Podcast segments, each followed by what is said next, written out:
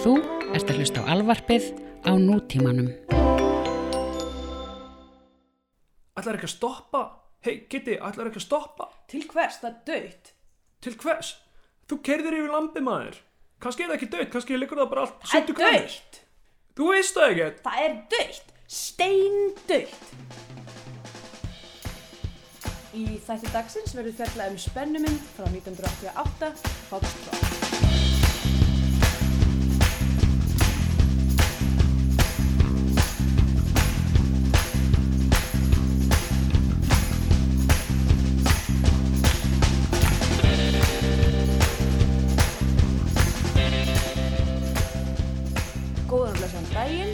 Og velkomin í Bíotvíó, hlaðvarpið um íslenska kvikmyndir. Uh, með mér hérna er þáttastjórnandi Steindor Gretar Jónsson Halló, og ég er Andrea Björg Andrisdóttir. halló. Hall Halló?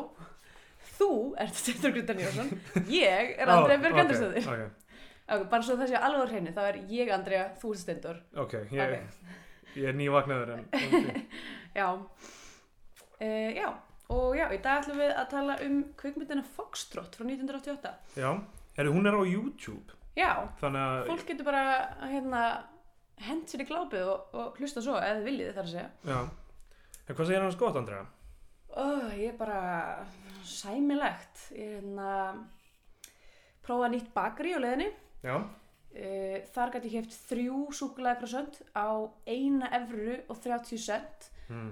og uh, þið sem eru að hlusta bara, þú veist ef þið eru eitthvað spáið að flytja þá bara vitið það þrjú súkulega í Berlín kosta eina evru og 30 cent e ekki koma samt, það er ekkert plás. Já, það er umlægt hérna, ekki koma, um, alls ekki hlutibölunar. Það er ómikið íslendingum hérna, uh, látið eins og ég hef ekki sagt það er það, ekki þverfótandi fyrir Íslandingum. sem er rétt. Uh, já, en annars svona bara, ég hérna, reyndar að vaknaði með gæð mikið hausverk. já, ég held þetta hafi með það að gera, að við fórum á bar í gær Mm, og ég meina, ég drakk eiginlega ekki neitt, ég, veist, eh, mjög lítið, ég meina, eitthvað 2-3 bjóra. og, og svo vaknaði ég og mér leiðin sem ég hefði drukkið sex. Og ég held að þetta séu reykingarnar. Já, það er svo að reiki allir inni hérna í Berlín. Og, og sko eins og strompar. já, Þetta er ekki djók, sko, og bara, ég veit ekki hvort að þeir séu, sem eru að hlusta séu nógu gömul til að muna eftir því þegar það var reykt inn á Íslandi, en þá svona mitt eitthvað var maður alltaf tvöfælt uh, þinnri og hérna oft með síkartugöt í, í, í flíkurum sínum og allt líktaði geðvægt okkurslega og maður alltaf að fara í sturtu þegar maður kom heim. Ég sakna þess ekki. Já ég maður hvað margir voru reyðir þegar þessu var breytt eins og, eins og hérna, þetta verið mikið brot á einhverju svona einstaklingsfrelsi. Já, ég man úrslega vel eftir því það, það var alltaf aðal rökin hjá öllum voru eitthvað svona nú er það bara að gefa mikil prumpufíla en á öllum skemmtistöð já, það, það fólk hafði ekki sko um, framtíðarsýnina til að vita að fólk myndi byrja að veipa og það kemur alltaf einhver svona lavandirlikt Já, eitthvað svona blóma Já. og, og hérna myndu og eitthvað, eitthvað. Hmm, Kamila eitthvað. Þannig að hún, hún er byrjað að kofra prumpulitin á Íslandi. Já, einmitt, sem að er ég myndi segja talsvöld betra. Mhm. Já, mér, hérna, kæristi minn uh, veipar mjög mikið. Og mér finnst það Við erum að tala um hérna harðasta kvikmynda gaggrinenda Íslands og Íslands þó, og Berlínar. þó, þó víða verið sem, leitað. sem í síðustu viku blammeraði brúðgumann hafandi séð fyrstu tíu mínúnar af myndinni og, og endan og endan hann, hann mun koma inn með örglega eitthvað svona blammeringar öðru hverju í þáttinn. Já, hann horfði reyndar ekki með mér á, á þessa mynd á Foxtrot þannig að hann hérna hann fær ekkert um það að segja. Mm en hérna, já, hann sem sagt veipar og veipar og veipdjúsin hans er oft eitthvað svona eitthvað svona köku svona vanilu og, og svona, svona eitthvað alls konar svona cookies og eitthvað sem að er næst, miklu meira næst en þegar hann reykti.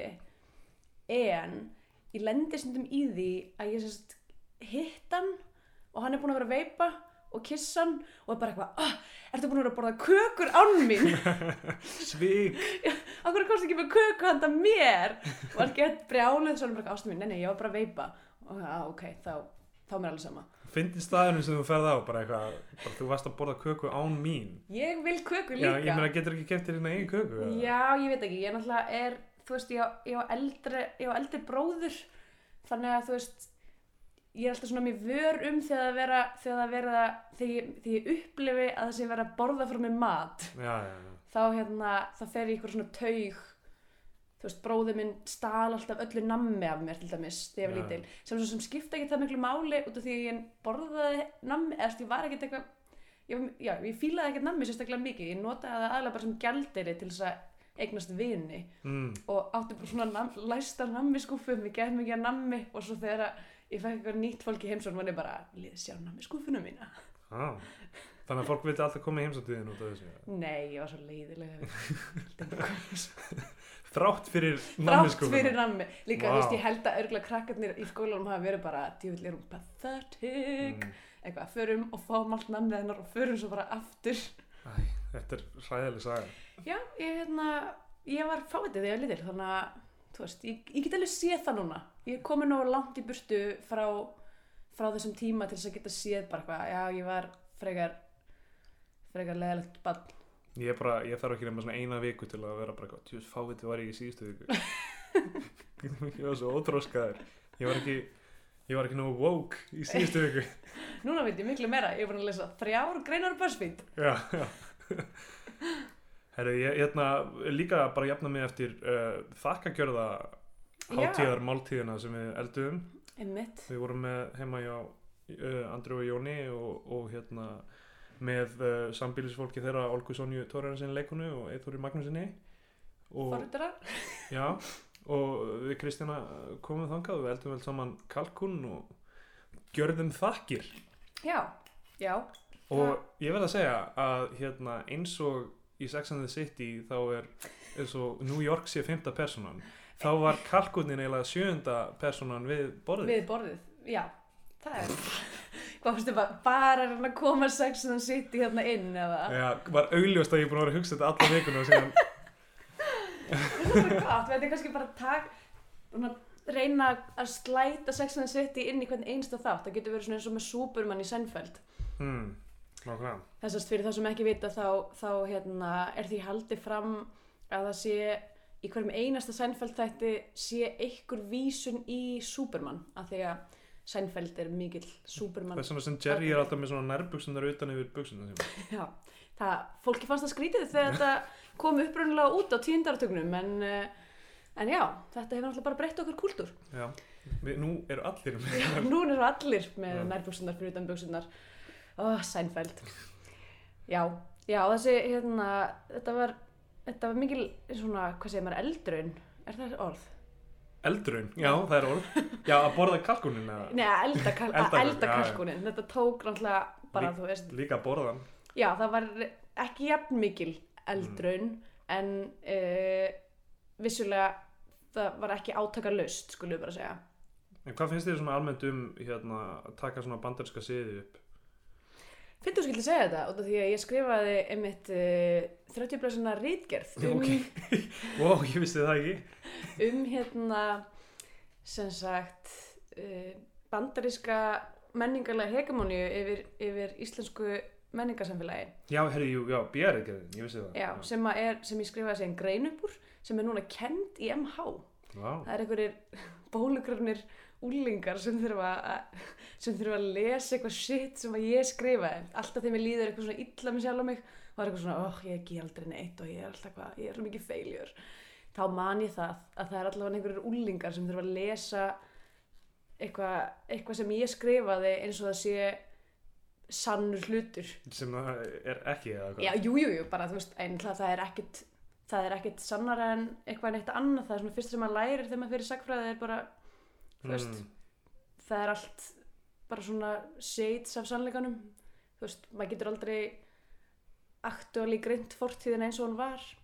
Nei, nei. Um, en já, þar fjallaði ég sagt um, um hrekkjavíku og öskudaginn og sem sagt hvernig um, hvernig sem sagt kvikmyndir og þættir og svona, já, menningarleg yfirfærsla uh, breytti öskudegi Íslendinga sem sagt, þegar rauninni bara þegar Halloween John Carpenter kom í bíó Já, uh, ok 1981, hún kom 79 út í bandaríkjunum og auðvitað eins og á þessum tíma þá tók svona 2-3 ár fyrir allt að Ok. komast til Íslands Sko, ég er ekki MH hérna, ég þarf ekki að hlusta frá vangútgáðu þessu sko.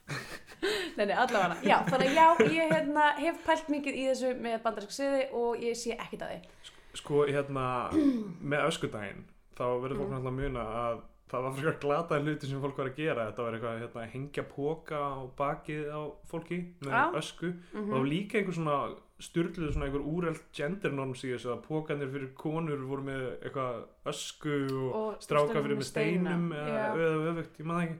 Já, já, einmitt. Uh, Þetta var sann sko svona courtship dæmi. Ma, eh, sérst, back in the day að þá hérna, átti maður sérst, að hengja aftan á þann sem maður var skotin í sko. hmm. þannig að þetta var svona leið til þess að óbeint, þú veist, að því að þú veist, það var náttúrulega ekki tilnætt eitthvað hérna, Þetta var svona eins og að Til- svæpa til, til hæri Já, Er það ekki það sem nákvæmlega, krakkandir var- eru að gera Það í er það sem dag? að unga fólki er að gera í dag. Þetta verður nákvæmlega þannig, nema bara með pókum fullum af ösku. Krakkar, ef þið eru leið að svæpa til hæri það getur bara að fara út með öskuboka og hengt hana á bakið á einhverju einhverju sætri skullu. Segjum ekki skulla er það ekki Við, ég ætla við al- alveg að svona opinbera það að við séum orðin gömul með þessu öllu saman. Já, heldur betur. Já, já, En já, þakka ekki þátt, ég, hérna, ég held ég var einu sinni haldið upp á hann upp á hann áður og það var með bandaríkjamanni. Mm, um, og við vorum þarna sex Íslendingar og í Þýskalandi sem heldur ekki heldur upp á þetta. Mm og líka haldið upp á hana á vittlisum degi. Já, og undir fórsettatíð Donald Trump, yfir og undir fórsettatíð þannig að hérna maður myndi að maður myndi kannski flýja núna þá síðið sem nei, nei, ég upplifir bara að maður tekur bara það sem maður fílar og þú veist hvað er what's not to like, geðt mikið af mat og geðt mikið af víni og bara svo liggja allir á meldunni í tvo daga. Já. ég fíla það. Já, þetta var mjög gaman. Mm Eitthvað segir við, að tala um Foxtrot. Já, ég hef nú ég hef tölvert að segja um fókstrótt Ég er sko alveg að springa ég er svo spenntur að tala um Foxtrot Ég horfði á hana á kaffihúsi beint á móti íbúðinu minni af því að ég er ekki komið með internet af því að það er mjög mikil skriffinska og senagangur á Þýskalandi í um, þannig ég satt á kaffihúsi og horfði á hana með hernatóla á og ég uh, verð að segja að ég alveg sogaðist inn í þessa mynd. Já. Hvernig var þín, uh, uh, hvernig horfðið þú á hana? E, já, ég horfði á hana bara heima á YouTube og byrjaði eitthvað að horfa á hana ein og svo um miðbygg myndarinnar þá hérna bankar Olga upp á sem er uh, meðlendi minn. Og er eitthvað, "Æ, ég var að elda pasta. Og ég eitthvað, já, já, ok. Og sérst horfði sér á restina myndinni með Olgu og hérna og barnininnar, Rósmarín Mm -hmm. Bad, sem mjög stóru augu. Uh, já, er 14 mánada uh, lítil krúsitúla og hún var með auksíkingu og var frekar svona óstýrlát. Mm. Hún er alltaf veik samt. Og hún var alltaf veik, ég veit ekki. Eru öll börn alltaf svona veik kannski, ég held það. Já, ég held að börn séu bara frekar miklir aumingjar Já. um, og geta ekkert, þú veist, séu um sig sjálf og ég kom mér nóg langt frá því að vera barna ég get litið tilbaka og hugsa, djöðis aumingi var ég. Já, ég var algjör, ég var algjör aumingi. Ég var alltaf með eitthvað svona húðsjúkdóma og eitthvað svona og þú veist, var það alltaf eitthvað, alltaf eitthvað vesen á mér, alltaf ofnami fyrir klór og reikvilum og lituðum nærfötum sumum tegjum uh, voru, voru fóröldreina með eitthvað svona, svona sundlauga reif í gangi heima eða eitthvað? Klór, reikvilar og... það hljóma svolítið þannig, já. Ég veit ekki hvað, hérna Já, hvernig þessu barni líður alltaf illa? Við, erum hérna að gera með sjúkt reyf í gangi sundleg allt, allt sem að lítið bad geti óska sér. Mm. en nei, já, þannig að ég hérna, ég skil þetta mjög vel en já, þannig að ég horfði sérst á setni helmingin með Olgu og Olga er náttúrulega myndaðileikari og veit, hún veit miklu meira um sko bara svona íslenskt, hún þekkti mjög mikið af leikurunum, ég þekkti lengan af þeim. Og hérna og svona gat, og gætt bent mér á eins og hluti eins og hérna uh, tónlistin. Tónlistinn við eftir Hilmar Hilmarsson. Já, við þurfum að ræða hana í þaula ég myndi segja að það var það fyrsta sem ég tók eftir var bara myndin byrjar, það Mhm. kemur sturluð kvikmyndatónlist. Já, svona 80s já, kvikmyndatónlist. Já, hún byrjar endur á Bubba, það kemur Bubbi í smástund og svo kemur sturluð 80s kvikmyndatónlist.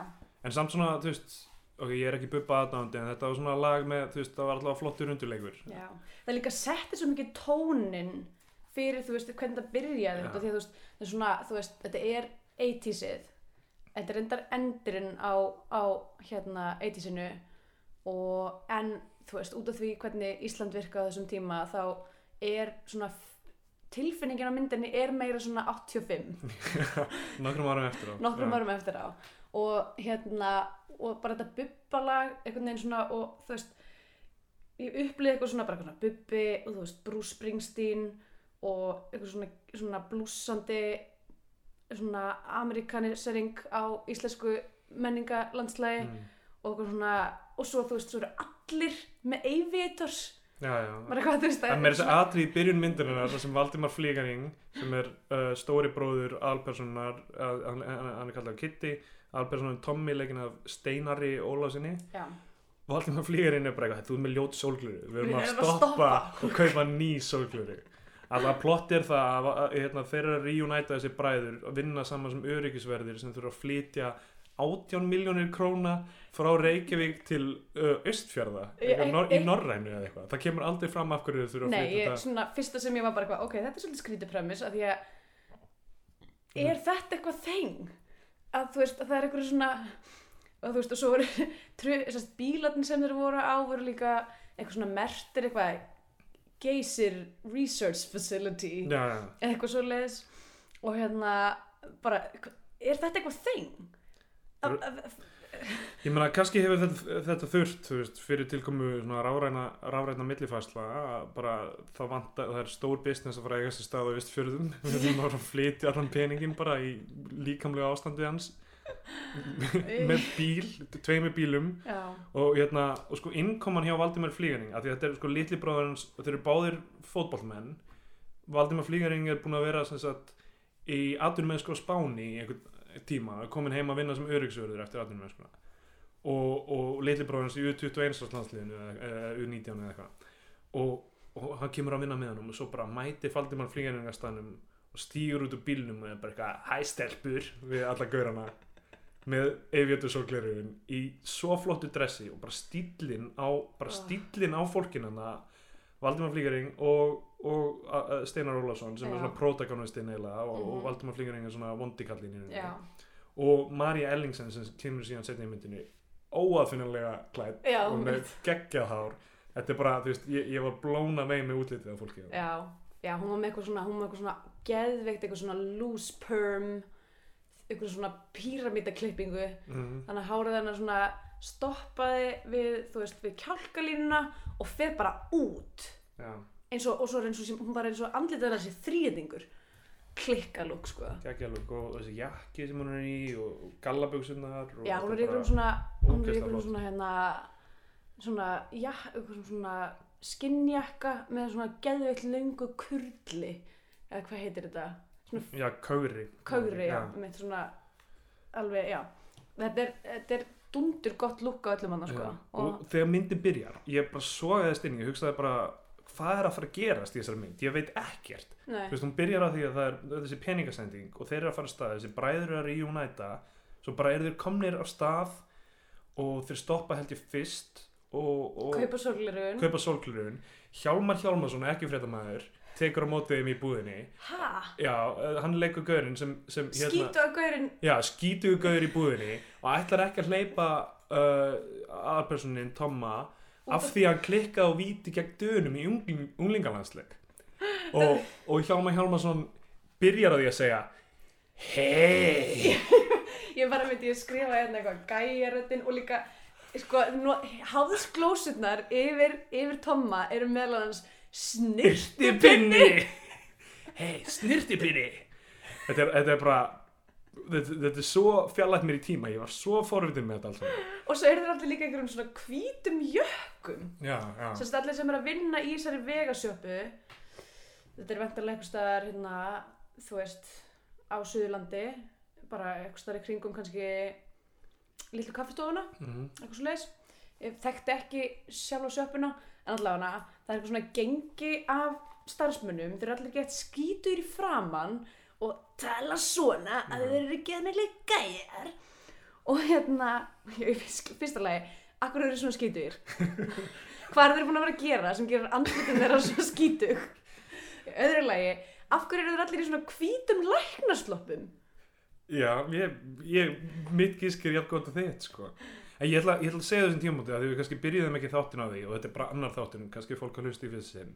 Við erum að þessu af því að við erum forvitin um íslenska kveikmyndir okkur þykir vænt um íslenska kveikmyndir Já. það að við sem að pota einhver smáatrið svona, bara bí, ok við, við förum í, í, í, í dómin endanlega dóma myndin í lokin en, Mhm. en þetta er bara ferðarlegt af því að það er mikið eftir ok, þarna, sé, þarna, þarna kemur Valdimar Flígaring og, og bara ræðst á gaurinn og bara, Já, þú veist, bara já, já, og bara alveg, bara, ok, maður sér þetta er harðjaksl Já. skömmu setna er það að keira á þjóðveginum og þá kemur atriði sem við vorum að lesa upp í byrjunar hérna samtalið í, í, í, í hlaðvarpinu.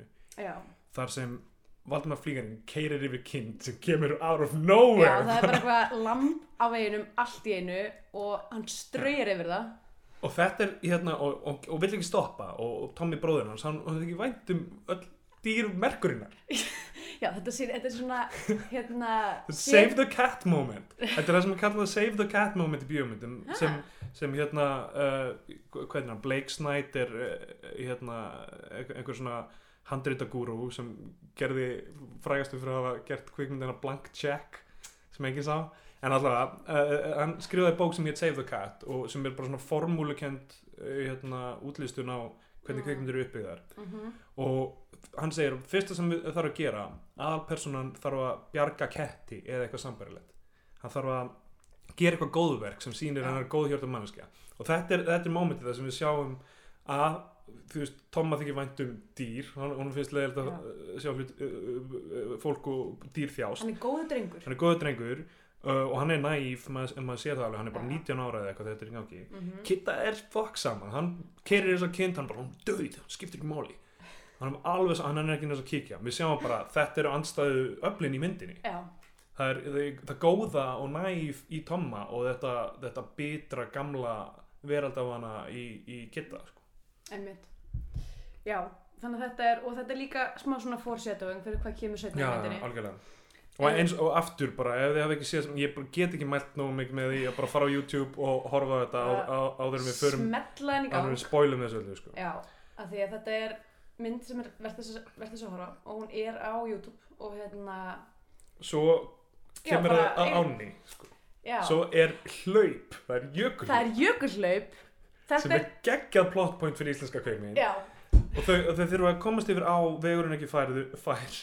Já, Valdimar Flígaring, bara hann er skýtsamum allt, hann bara er með eitthvað deathwish, hann bara brunar yfir ána.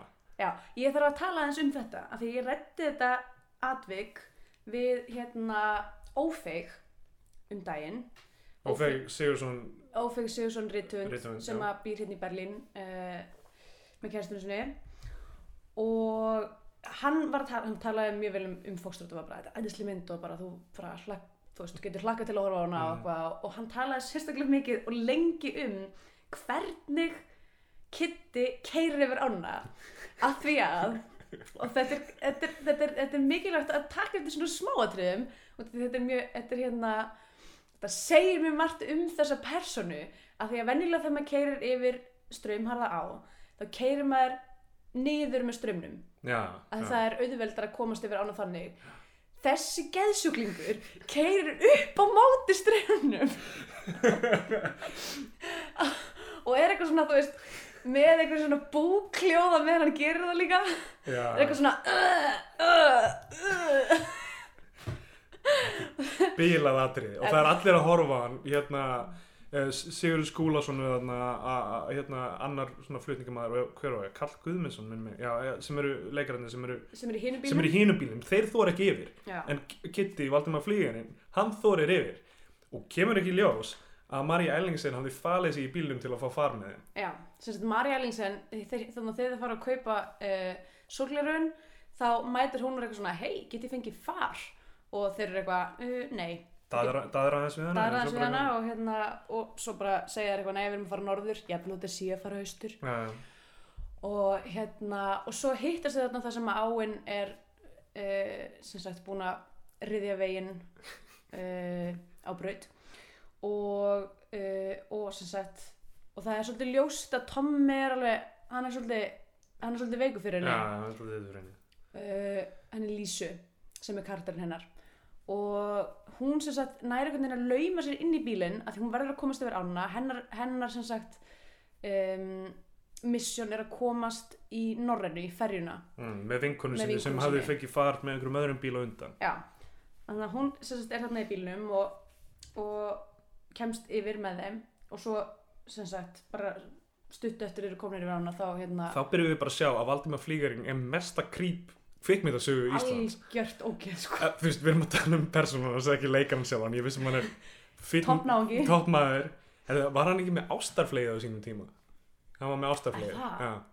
já ok, ég sá það aldrei en það Nei. hljómar eins og geggið premissa fyrir raunveruleika það ég veit á bara, Íslandi. ég veit bara hérna, hérna Haukur uh, Haukur Valdimar Haukur Valdimar Pálsson já, hann, hann var tökumæður á, á ástarfleginu ok.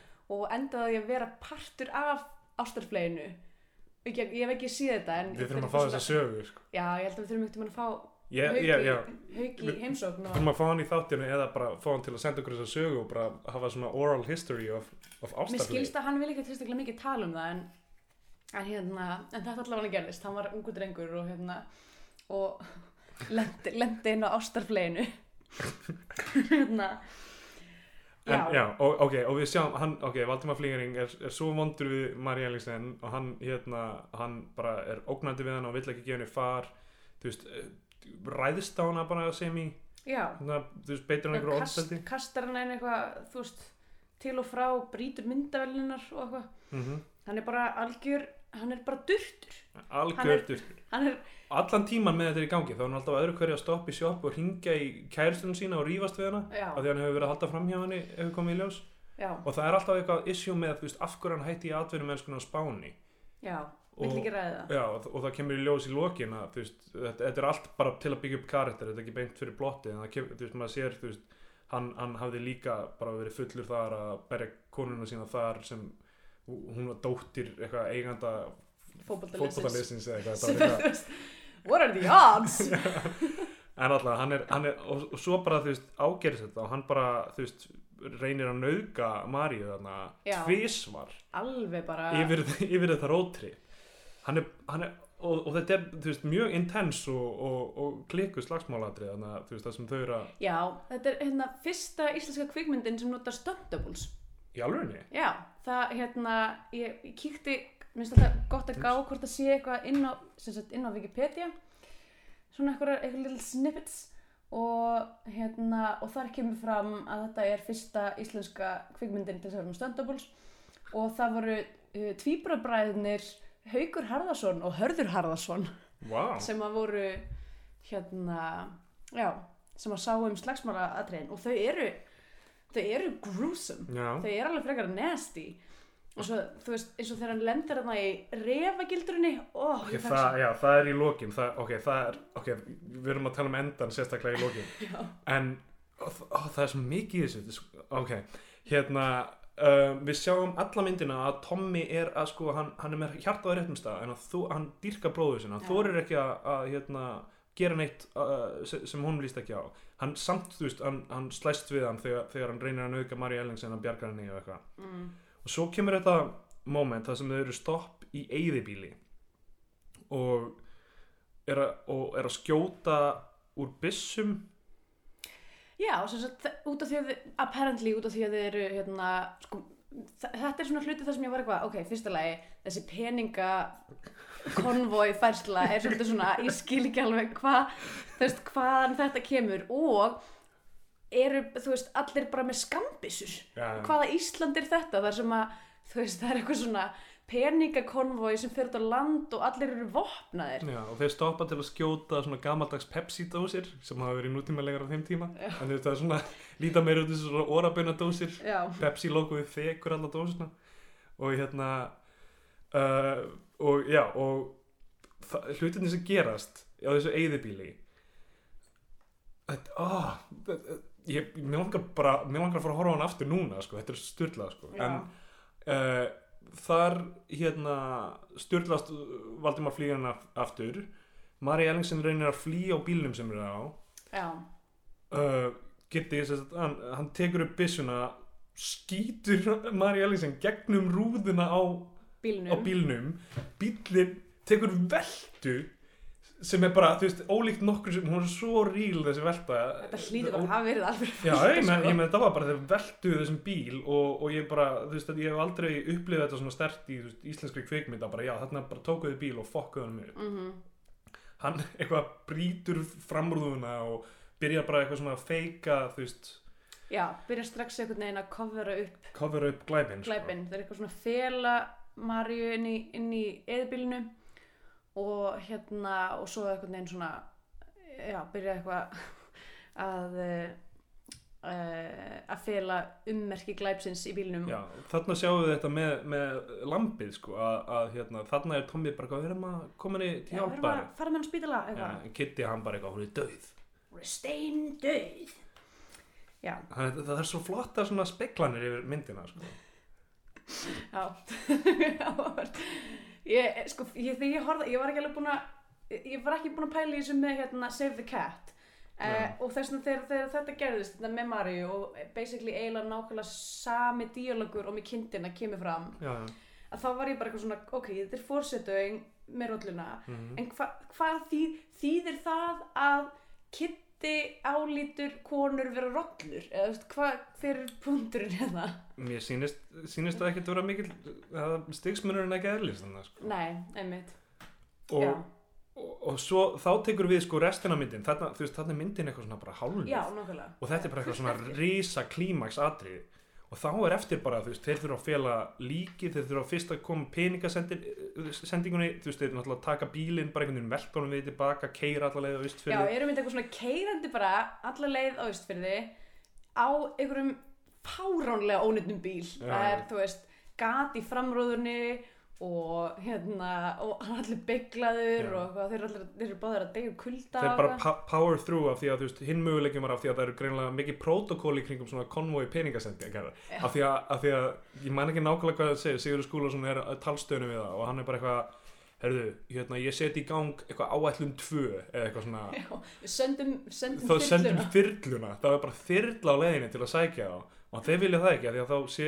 veist, sjá þyrluflugmyndin Það er líklega náttúrulega sko átján, átján kúlur í þessari, í þessum bíl sko. Ég var svo mikið að býða eftir að þau myndi segja eitthvað svona eins og kúlur. Eitthvað svona, eitthvað svona clams. átján kettlingar Já, átján kettlingar. En Hérna, þeir komast á leiðinenda og í hótel þar sem uh, á, það er eitt móment þarna Ok. á leiðinni að að sérst, uh, þeir þurfa að stela af því að það er gat á bensíntangnum og hérna og stoppa hjá Jökulsárlóni. Mm, og það er frekar æðislega sena þar sem að Tommy er eitthvað svona að laumast að einhverjum að Jökulsárlóni og sér þarna svona tvo sport, svona mjög eitíslega sportbáta mm, sem eru sem sagt sem eru parkerar þarna í Jökulsárlóni. Og svo á móti þeim er eitthvað svona ógeðslega banged up og ljótt rúbrauð sem er svona, þú veist, svona brúnt og riðgað og eitthvað. Mér finnst það bara svo geðvik sena að þetta er svona nýja Ísland og gamla Ísland. Þetta er á, svo- á móti hverju og hérna, og þú veist þetta er svo mikið eitthvað svona 80sið og bandaríkin og svo eitthvað svona fortíðin, eitthvað svona gamalt ónýtt þýst rúbrauð þetta er svo mikið mynd síns tíma sko. hún er bara uh, hún er ótrúleg. Um, og þeir, já, ok, þeir komast þarna á Ístfyrði fara á hótel og, og Valdimar Flígaring byrja náttúrulega strax hann er með eitthvað fyrirrændi greinlega eitthvað samband við konun sem reykur það að leikina Guðrunu Gísladóttur. Mm og, og þau þurfa náttúrulega að fara að hafa eitthvað, eitthvað fling líka. Og Tommy er allan þennan tíma hann er að batla við skilur ég, þú veist, ég er að hilma yfir hérna morði og eitthvað svona. Og hann er alltaf svona smá að konfronta bróðu sinn en aldrei, þú veist, raunverulega. Já, það er alltaf, þú veist, mað, þú veist hann- ma, það, það er aldrei þetta mómenta sem að hugsa bara, já, það mun loksins gerast hjá honum en hann er alltaf bara eitthvað svona að segja eitthvað smá og bakka síðan með það, sko. Mm já, hann lúffar alltaf fyrir bróðasinum já, ennþá, allavega. En reynda sko, maður sér að það er farin að koma brestir í hann út af því að hann hérna segist að hafa hend öllu sem að Lísa átti. Mm, nema hann hann, hann er í laumi búin að halda líklónum hennar. Já svona likla kippu sem stendur á Lísa sem er rosa flott unit sem snýst eins og eitthvað snýst. vindhanni já, og, og það náttúrulega kemur í baki að það, þegar það finnst og, og vinkuna Lísu sér það og fer með það til löggunar og þeir byrja að vera eldir Mm. en rétt af henni það gerist þá er Tommy úti og lappar hann hjá fótboltavelli það sem litli strákar er eitthvað og í gegnum alla myndina það vita allir hver, þetta eru frægir Íslendingar þetta eru fótboltabræðinir sko. þetta er gaurinn sem var í atvinnum með sko Spáni og litli bróðin sem er í unglingalandsliðin og klikkað og víti gegn dönum. Þetta eru ógeðslega frægir gaurar. Og, og Tommy sér þessa krakka og þessi krakkar eitthvað hei þú ert þarna gaurinn sem klikka og víti gegn dönum. Og það verið að slenga í framann í hann. Þú veist, þetta er svona þetta er svona sparkaður svona fast? já, Ég sparka aldrei fast. Já, hann segir, maður á aldrei að skjóta svona fast. Og þetta er eitthvað svona lærdómsmoment hjá hann Sko, ég upplifði þetta litla barn sem eitthvað svona, svona pínu, svona, hérna, það sem er kallað magical negro. já, já, Þa, það er bara það sem það kalla, ég veit ekki hvað ég er að segja. Bara, þú veist, en þú veist hvað... magical barn þá Já, eða eitthvað svona barnið sem er með heimsbyggilega visku en Já, talar bara í já. fótboltamyndlíkingum. nákvæmlega, nákvæmlega það, ég meina, þú veist, þetta, er þú veist, mjög oft, já, oft er það þú veist, svart mannskja, oft er það eh, barn, stundum er það eitthvað svona indjáni, Já, kemur svona native american og bara eitthvað Eða svona gamall húsvörður, já, já, húsvörður eða eitthvað svona, já, það er alltaf eitthvað svona, þetta er leksían sem, sem það er alltaf eitthvað svona undirokuð manneskja. já, já. Sem er hérna uh, að hjálpa Já, Fullorðna hvíta hvíta kallmanninu kallmanninum að díla við erfiða, erfiða lífsitt. sem reyndar í þessu tilvægi Tóma er alveg frekar erfitt sko. Já, hann er ekki á góðum stað, elsku kallin. Já, og svo náttúrulega kemur líka í ljós og er svona í aðar reglulega gennum myndina að pappið er að hafa verið einhver skítall hann hafa verið að sjó, hann hafa verið drepið sig hann hafa verið alki, Já, hann hafa verið hérna um, já, uh, farið mjög sn- snemma frá, frá móður þeirra en þeir eru ekki sömu móður, þeir eru já, hálfbræður. þeirra hálfbræði, það er rétt, móður hérna kitta sko. og það er svona, það er pínu fallegt sko, eðst, ok, reyndar finnst mér þetta svona frekar, þetta hérna þessi klassiska sögu hérna, þetta mótíf eitthvað, pabbi minn fór frá mér og þess vegna er ég vondur maður eitthvað svona, en það sést sko að því að, að, því að Tommy ringir í mömmu sína mm. og hún er eitthvað, æ, var, var þetta þú veist, var þetta er, ljótt bílsliðs og er eitthvað svona að hafa ágjur á honum að hann ágrænilega eitthvað svona fallegt samband um móðu sína. Já, á meðan að á meðan að hérna Kitty er greinilega bara Já, já. hann, Hann er- hann segir bara- einhverju svona sögu við það sem að hann bara eitthvað lappaði inn á fóreldra sína að ríða já. og bara settist bara niður og bara held að fram að horfa þeim og meðan spilaðist lagið Foxtrot Foxtrot við dansið Foxtrot og, og, og hérna og pappa hans gaf hann um plötuna sem, bara þetta er platan sem þú gegst inn á okkur móðurinn að þeir vorum að ríða og hún er hún þín þú átt þessa plötu og getur hlustað á hana og endur upplifa þetta moment þessum eftir æfina og, og svo er hann bara með þessa plötu og kassett í bílnum og er Já. greinilega bara alltaf eitthvað að blasta þessu. Já, er einn. Það er því að má, að vill ekki hlusta á hana með bróður sínum Nei, einmitt. Og, og bílinn er með codename Foxtrot, Foxtrot. sem er, sem er ennska nafni á myndinni codename Mhm. Foxtrot. Það er bíl, Mhm. bílinn í, hérna, í konvóinu en ok, þarna er Tommy búinn að læra þessa hluti hann er búinn að læra maður á aldrei skjóta svona fast. Hann er búinn að fara á hjá móður sinni.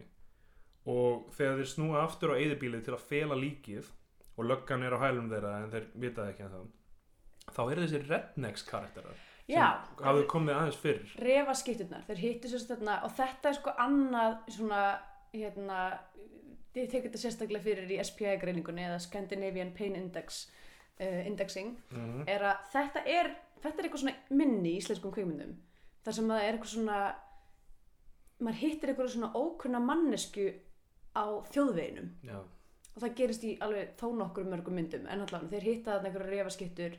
Fyrst hérna þeir eru að skipta um dekk á bílnum eða eitthvað svo leiðis og hérna á meðan Tommy Hilmir yfir, yfir, með hérna, bróður sínum það sem hann er að reyna að nauka Marí Ellingsen og, og, og má ekki heyrast í það hljóðið má ekki berast til refaskiptana já og svo koma þessar refaskiptur aftur.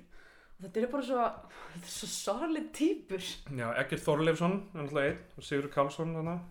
Og Ekkert Þorleifsson, ég held að segja ekkert nema halló já, einmitt. en, svo svona, en er með mjög eftirminnilega, ég var sko að velta fyrir mér það því að, veist, mér langar alltaf að útnefna eitt senuþjóf, já, uh, mér fannst hann já, uh, og, og hérna magical já, já. það var líka nokkuð gott. Uh, og svo reynda var sko en ég bara er sko það var köttur. Það var eitt köttur Já, sem var á, sem var á, var á hérna, innritunarborðinu á hótelinu.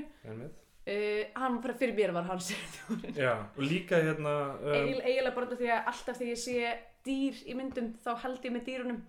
Uh, til dæmis bara, já, uppáhaldskarakterinn minn í Alien er kötturinn.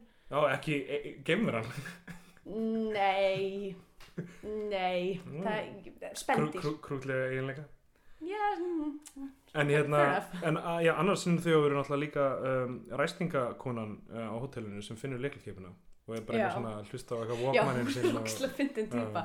Lukkar eins og hún sé eitthvað svona já, hún er mjög sveit og uh, Já, já, ef refaskiptunar púla eitt á hann eða svo fyndið að því að refaskiptunar eru líka gett skítuður í smettinu þær eru en öruglega viljandi að því að þeir eru í svona líka einhverjum svona kamó fötum uh, en hérna, já, þeir eru allir mjög eitthvað svona skítur og öruglega þú veist að tyggja munntobak eða eitthvað svona, svona.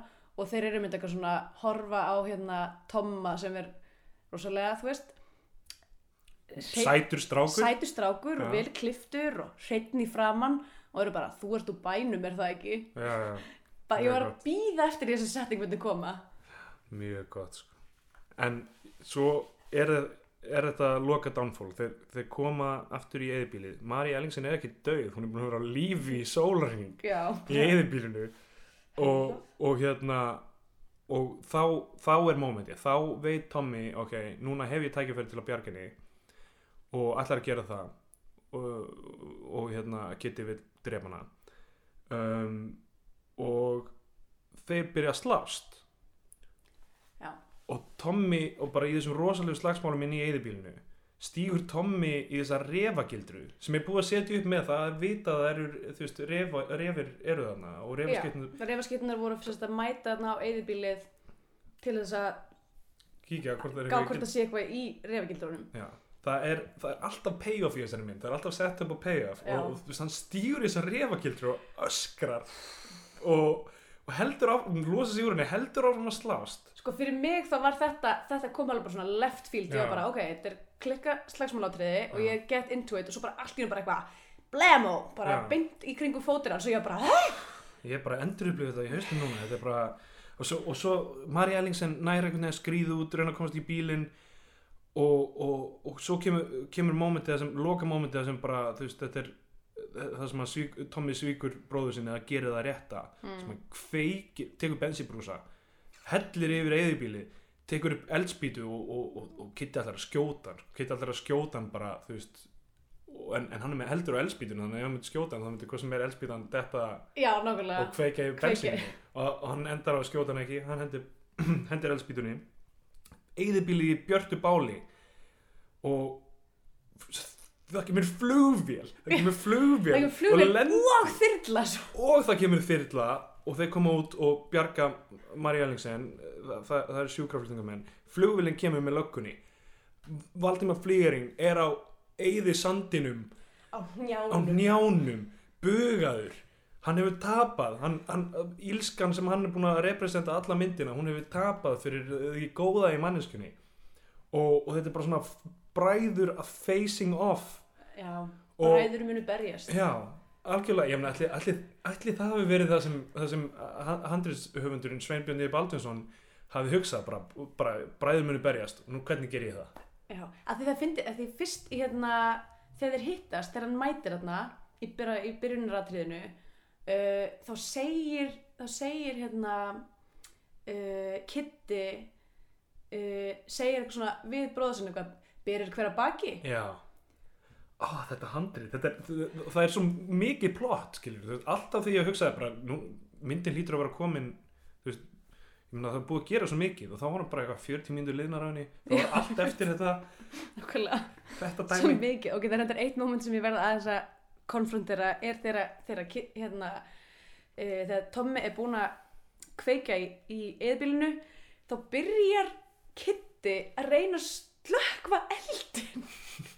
þá var ég bara eitthvað, ok, elsku maður, you mad, bara, Hann er ekki, já, hann er ekki búin að, búin að viðkjöna ósigurinn eða það, sko. Hann er ekki Nei. búin að viðkjöna að, að hann er búin að kasta lífið sinna á glæ, hann er, hérna... ég upplýði þetta moment bara eitthvað svona, núna er hann bara algjörlega búin að tapa vitinu. Já, hann veit ekkert hvað hann er að gera. Hann er að reyna að slökkva einhvern ólíbruna með fótunum sínum.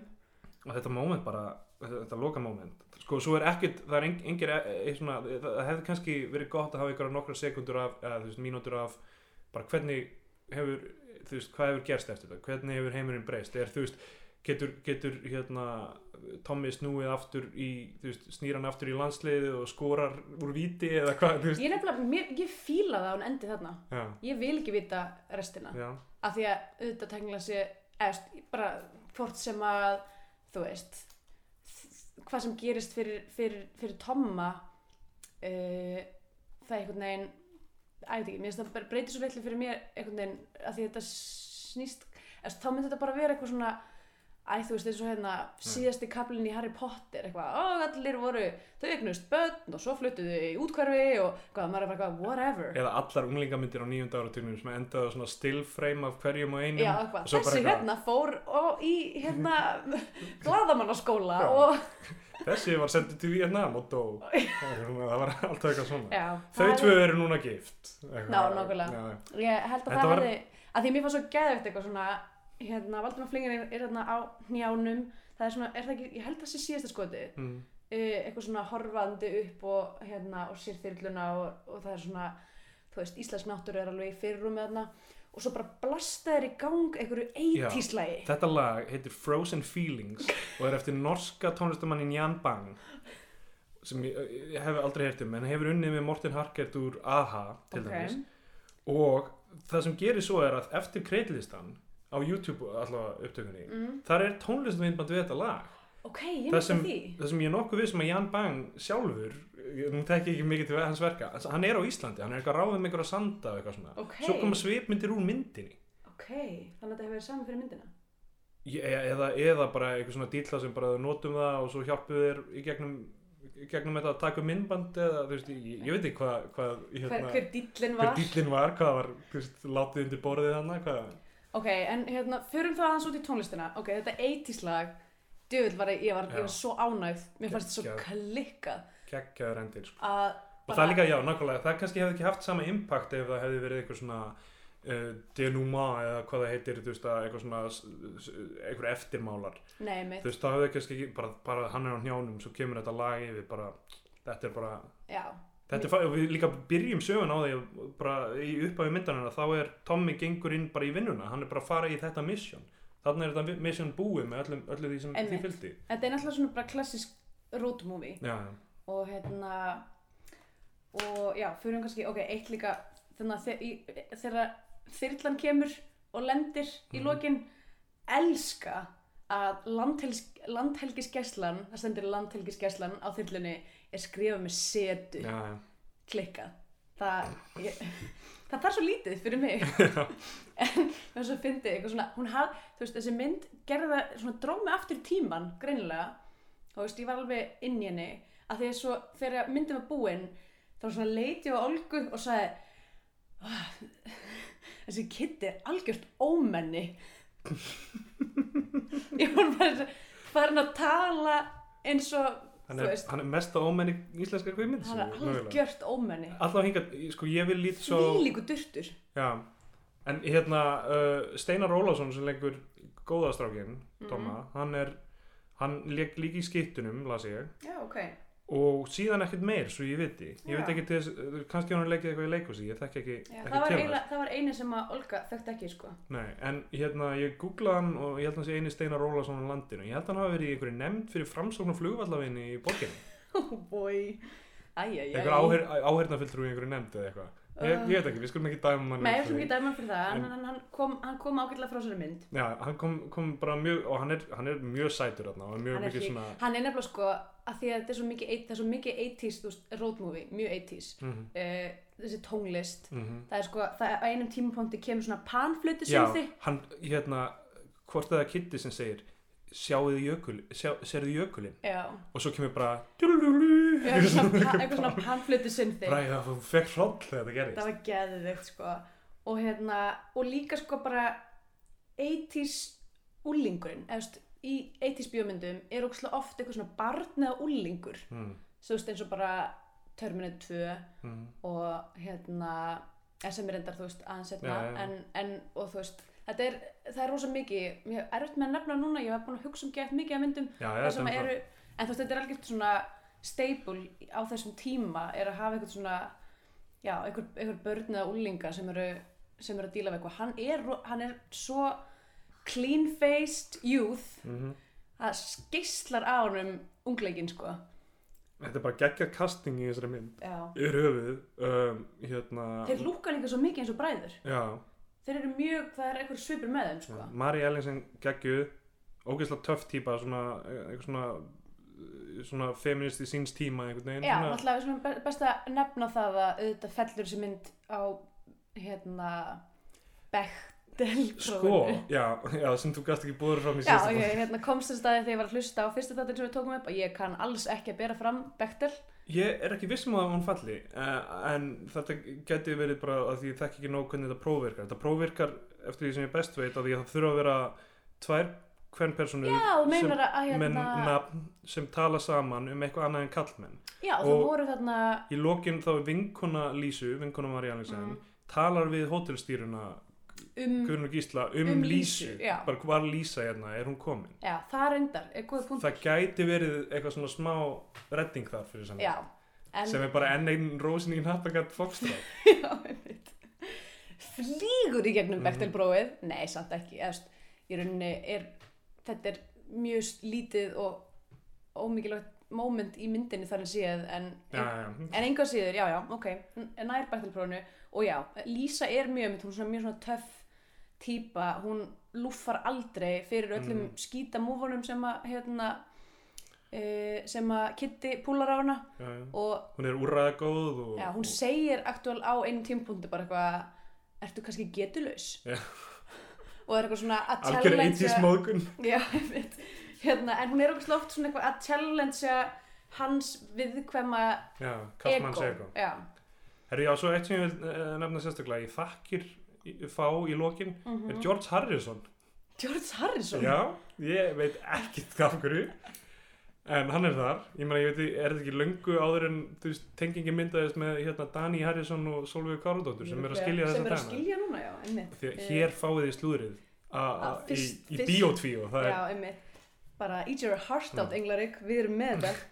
uh, en hérna, já, uh, svo ég, að eitt sem ég ætlaði að nefna með tónlistina, áður en við yfirgjöfum það. Já, við gætum, þetta eh, orðið þryggja tíma podcast. Hvað erum við komin? Nei, nei, við erum fín, en, hérna, en bara ég gæti tala Ég gæti talað um þessa mynd í Ég- fimm tíma við vorum, við vorum saman í gær, bæði búin að horfa á myndina og býta í tunguna að tala ekki um hana. Já, mitt, það var mjög erfitt sko. Hérna, Hilmar Örn Hilmarsson Já. sem að hérna, gerði tónlistina hann, þetta er áhugavert sko, pínu continuity frá fyrsta þætti út af því að hann er allsherigóði Mhm. núna uh, og hefur, hún verið náttúrulega í þeir og hérna, kendi Olgu um kvikmyndatónlist í, Já, ok. hún var eitthvað, já, hei, hann var að kenna mér eitthvað og hérna hann að hefur, sérst, í síðast þætti tölum við um brúðgumann og ég talaði í smá stund um hérna brúðkaup sem ég fór í sem var heiðið brúðkaup hann var presturinn í því brúðkaupi Já, já. hann er allsýrigóði og þetta var sem sagt svona heiðið brúðkaup og hérna og hann var gæinn með hornið, með mjöðinum.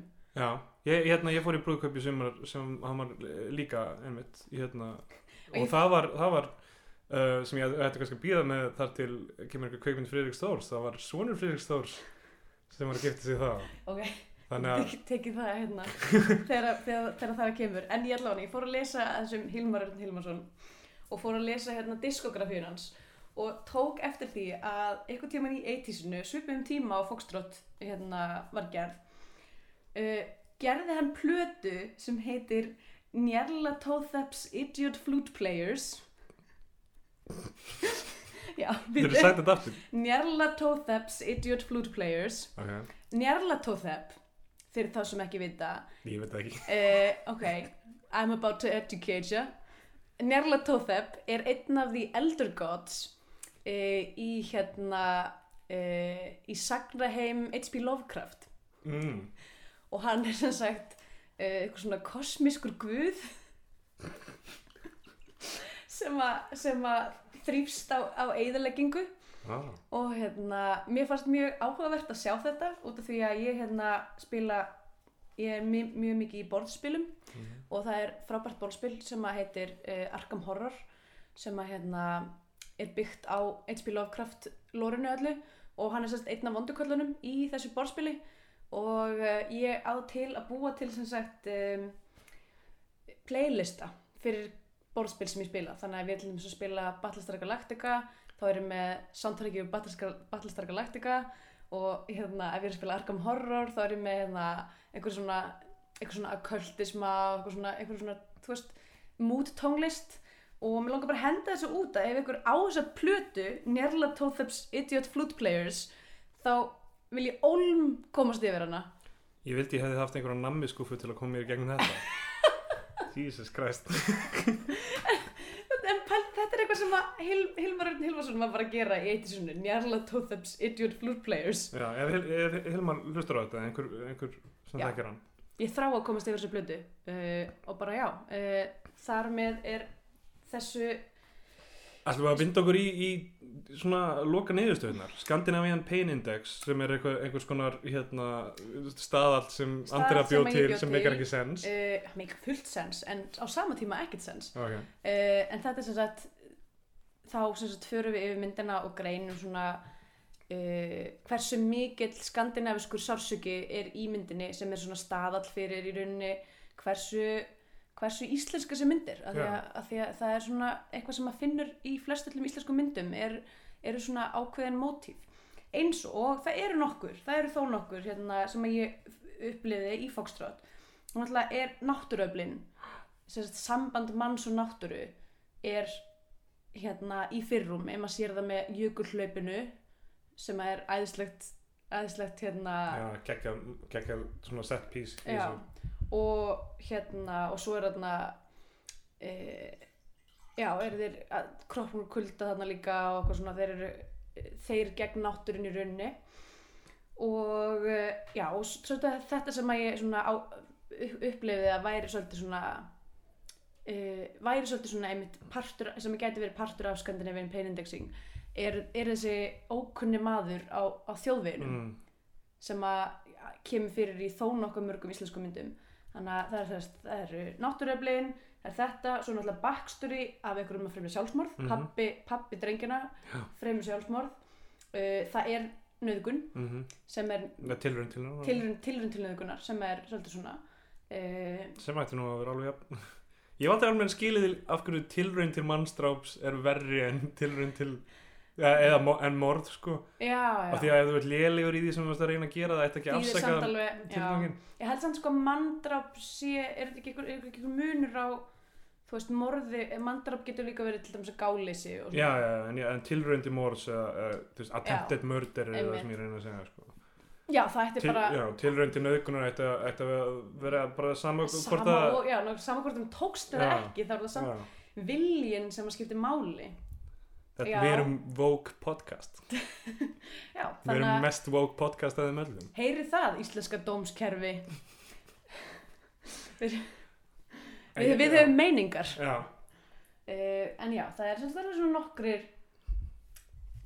nokkrir svona punktar. En, en mér finnst hún samt ekki að því að hún er líka svo bandarísk. Já, hún er, hún er, hún er mjög svona ba- bandarísk uh, bandarísku sögutráður og handristgerð og, og mikið af svona elementum sem eru þessi þú veist, þú veist já, uh, þessi kyrsla sem er í gangi þarna og þessi svona já, uh, já, þetta er, það er ekki já, þetta er ekki jafn ég veit ekki hvað er að segja lengur. En alltaf, hérna, ég gef henni tvo dauða sjómannspappa af, af nýju á nýju, já, það er kannski alveg já, mista, mista, mista sangjant ég er hérna, einmitt um, ætla að segja um, ég ætla að segja svona þrjú jökulhlaup af átta. Mm, mjög góð, mjög góð einhvern þá er það hinn dómurinn sem við gefum sem er um, annarkort þykir myndin uh, vera eiga heima á flaggskipi íslenskra kvikmynda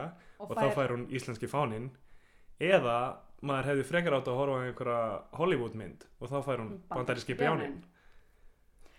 Já, þú- mér finnst, mér finnst þetta próf passa mjög vel við þessa mynd. Af því Mhm. hún er hún er vissulega mjög svona, þú veist hún, hún tekur mikið frá bandarískri sagnahefð og svona Hollywood og það er líka bara svo æðislegt út af því að þú veist, það er bara það sem er að gerast á Íslandi á þessu mómenti er bara eitthvað, þú veist Baffa OS og þú veist, og þetta er, þetta er náttúrulega bara, þú veist við erum að tala um hérna bara Davíð Oddsson er borgastjóri Mhm. í Reykjavíkur og þú veist, þetta er bara svona tíminn, þú veist, Helmut Kohl og Margaret Thatcher og, og Reagan og Mhm. þú veist, það er bara allt í ykkur svona brjáluðu nýþrálsykju hérna fylleri Já, svo.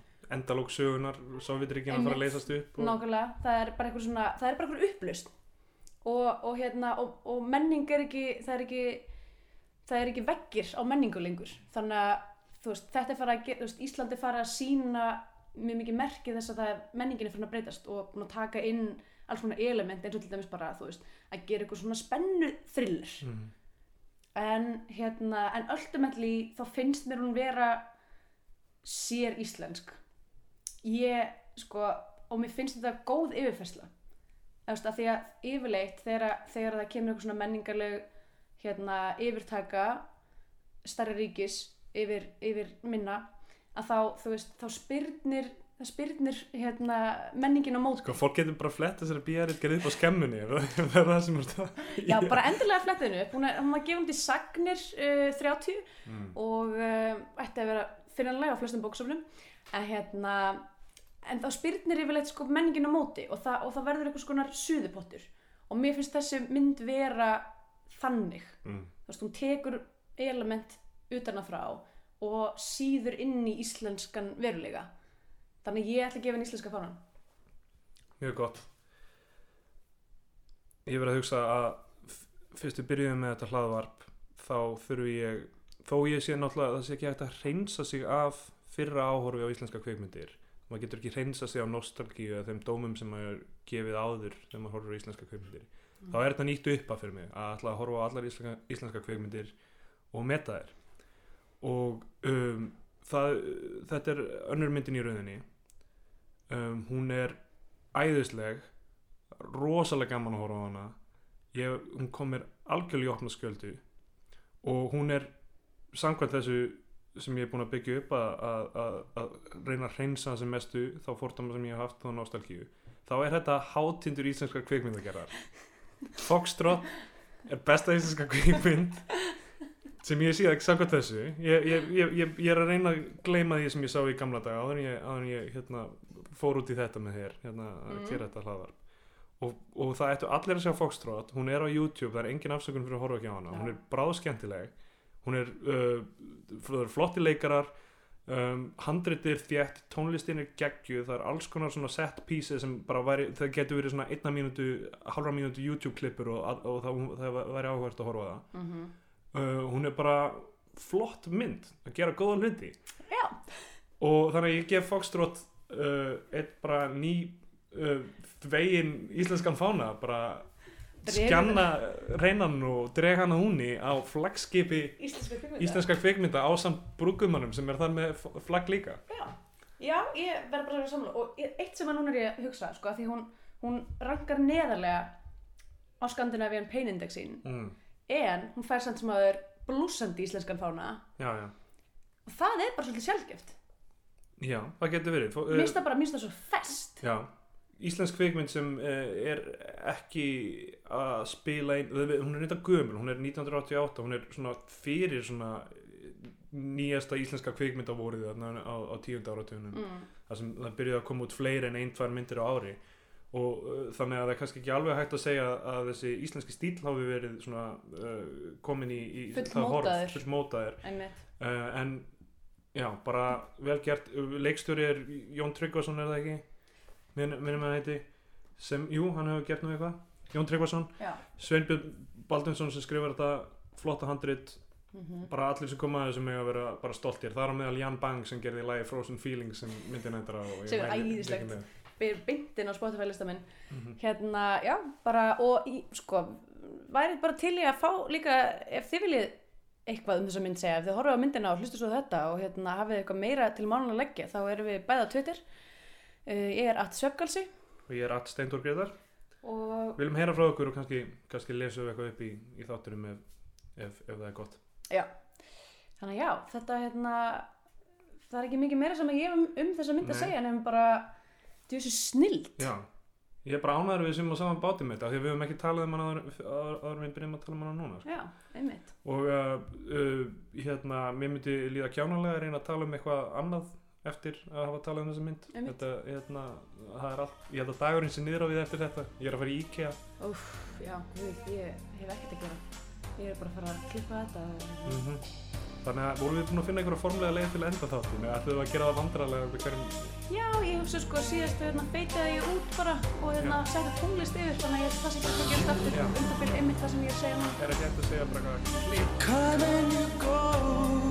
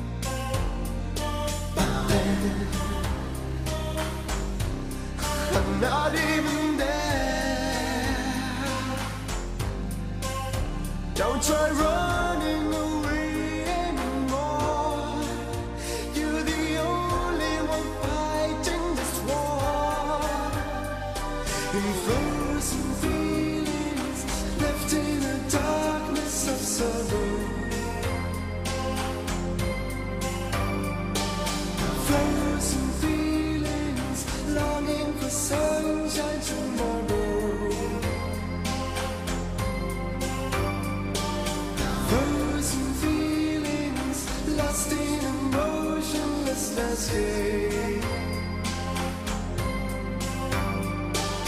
from